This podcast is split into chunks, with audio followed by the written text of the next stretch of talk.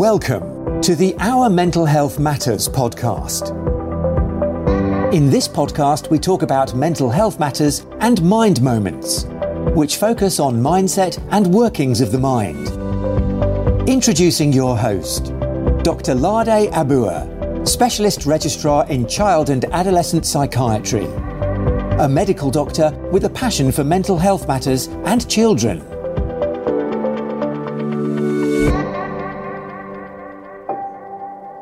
Hi everyone, it's Lada here. Welcome to our Mental Health Matters podcast. I will be talking about mindset. Uh, this is the second episode of Mind Blast, which is focused on mindset. And uh, in the first episode, I talked about how we can identify mindsets and what mindset is. I spoke about them briefly, but today I will try to go into a bit more details. It will be a short episode, but I will also try to go into a bit more details. So, in the first episode, I said our mindset is our inclination, our views about certain aspect of our lives as individuals. Um, I, I spoke a bit about our view on business, our views in marriages. So essentially, it is our view of ourselves, and this profoundly affects how we lead our life. In businesses, it determines the steps we take in marriages. It determines how we act, how we relate with other people, with our spouse or partner, at work, with family, in every aspect of our life, essentially.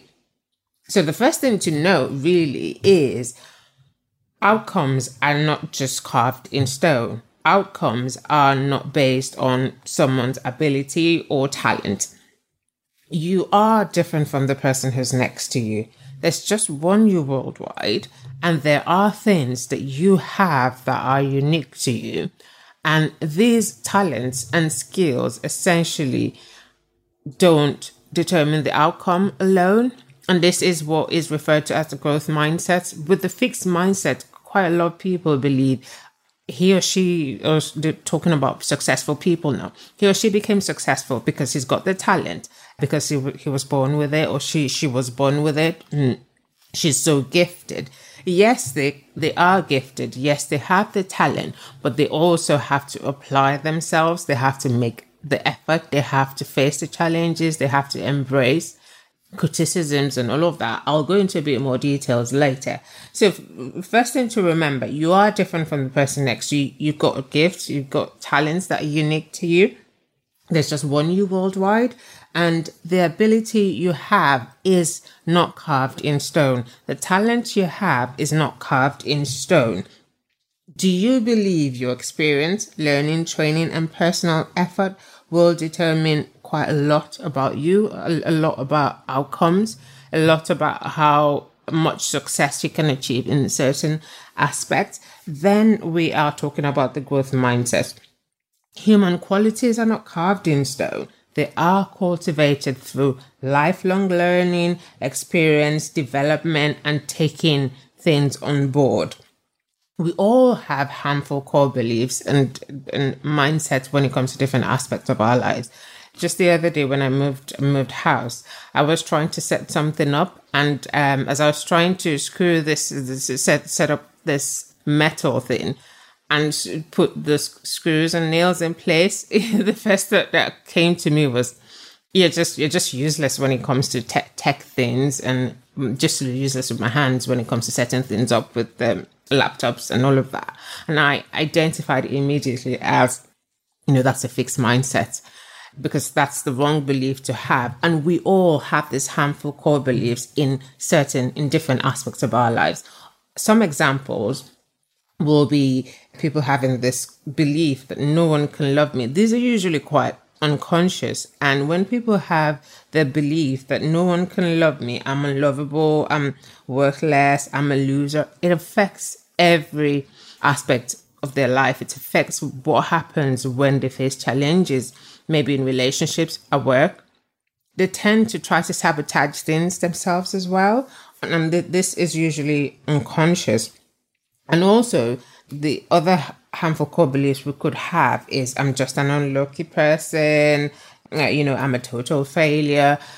So this, these are just uh, examples of core beliefs or wrong mentalities that we can have. So we'll try to um, highlight the differences between the fixed and growth mindset. Now, with the fixed mindset, there are a few things to, to note.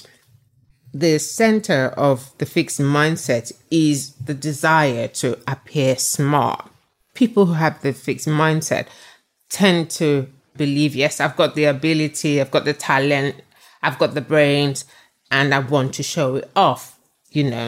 Um, and then avoidance, they tend to avoid challenges because they have this thought that challenges should, you know, be scaled through easily because I've got the talent, I've got the ability. So I will basically just avoid that because I've got the talent and ability to just scale through and they can become defensive when things go wrong.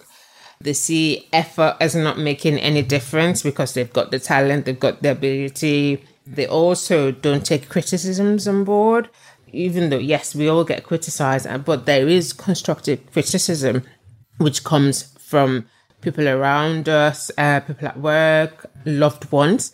And quite a lot, well, some of the criticism can be constructive, can be helpful and it, it is very important to take them on board and apply them. And lastly, they feel undermined by other people's successes. Now, with a fixed mindset, this is usually not present. It's not the case for all of all the mindset, all the wrong mentalities or mindset. Now, with a growth mindset, it's born out of a desire to want to learn, to improve and grow to accept challenges and take them as an opportunity to learn, to improve and grow and apply what's been learned from the challenges to other aspects of life, other um, areas. And um, with good mindset, there's persistence despite setbacks, despite uh, disappointments, and effort is used as a master key in, you know, applying themselves to learn and improve this, not just accepting it's just a talent, it's just my ability that's going to pull me through.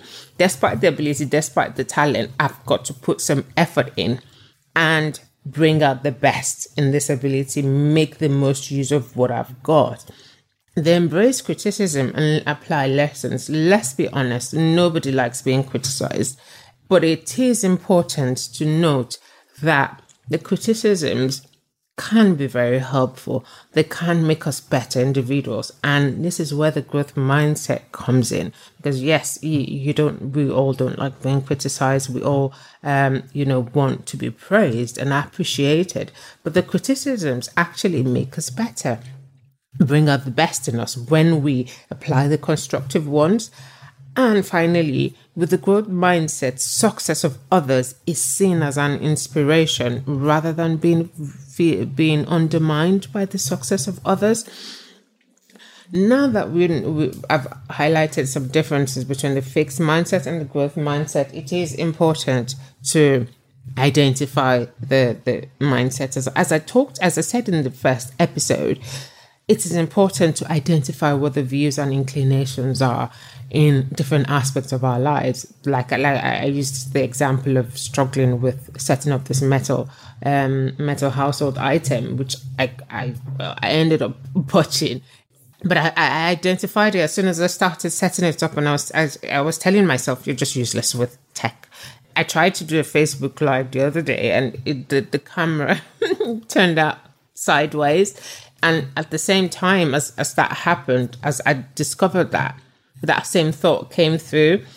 All you can do on your phone is just make calls and, you know, to send text messages. I'm I'm I'm not techie. That's the first thought that came to me. And I did identify that as a fixed mindset. So identify your what views are, or your views are, what your inclination is in different aspects. As soon as those thoughts come on, as soon as you realize that you've got that view there, you've got to identify, yes, this is like a fixed mindset, it's the wrong belief to have and then identify the origin i'm just summarizing um what i said in the first episode identify where it's come from and label it as wrong. It is wrong. That's not the that's not the correct belief to have because you can learn all these things and you can improve them and then start to take the steps to change.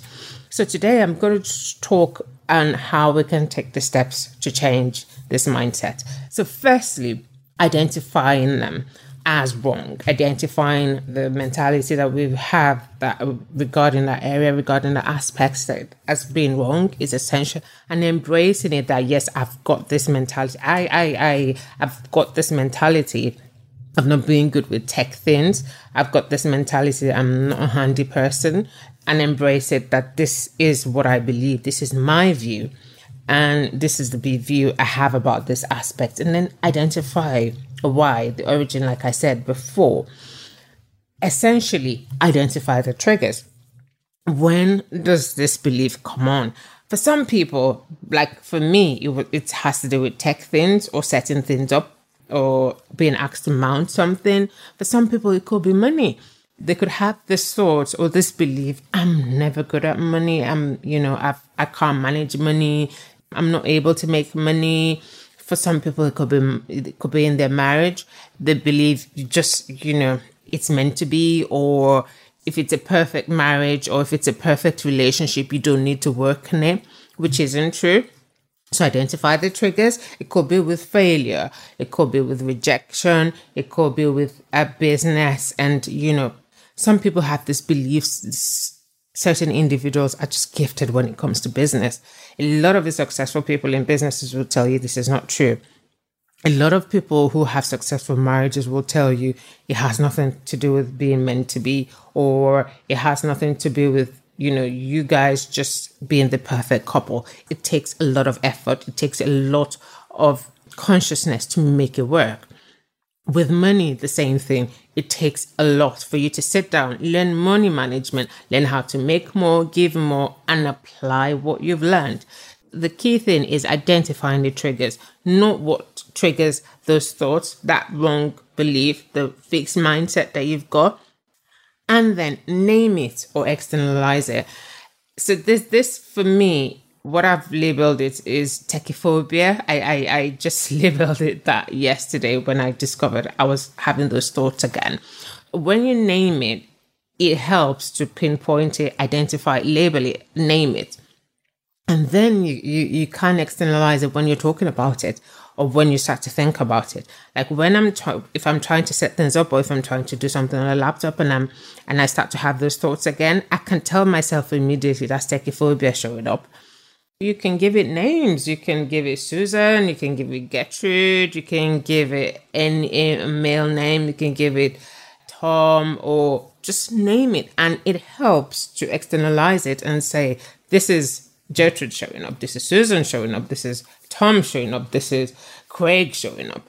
And when you are able to name it and externalize it, it helps to pinpoint it and help to identify how you can bring about the change.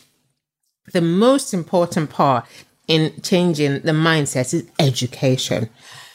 Educating ourselves. In the first episode, I talked about grabbing materials. I talked about picking things that would help to change that mindset. Have a plan on how to go about this. Once you've identified it, you've identified it's the wrong belief, you've identified what triggers it, make a plan on how to go about changing it. I would suggest getting educated, getting books, listening to podcasts or audio materials, going for trainings, and then ensure you have the willpower to change. For change to begin, we have to want to change. That is the most important part. If we do not want to change, it's not going to happen and it's going to be a long journey. So if the willpower and the desire to want to change isn't there in the first place, it's not going to happen. It's going to be a long journey. So make a plan on how to go about this. Set goals as well. My plan will be I want to deal with my mindset on money, get books on money, go for trainings, and have the desire to want to change. And then set goals. Start to, with the baby steps start to manage little bits of money, start to set budgets and just take the steps based on what you have, the knowledge you have acquired from the training. It is going to be a long journey, and the desire and the willpower to want to change will be essential. So, I will come to the end of this episode of Mind Blast on Mindsets. Thank you for listening. I will be back to do a final one on mindset. And think uh, until next time, take care. Remember, empower your mind, empower your life. Goodbye. Thanks for listening to the Our Mental Health Matters podcast. You can follow me on Twitter at Omaledamaka. Until next time, empower your mind, empower your life.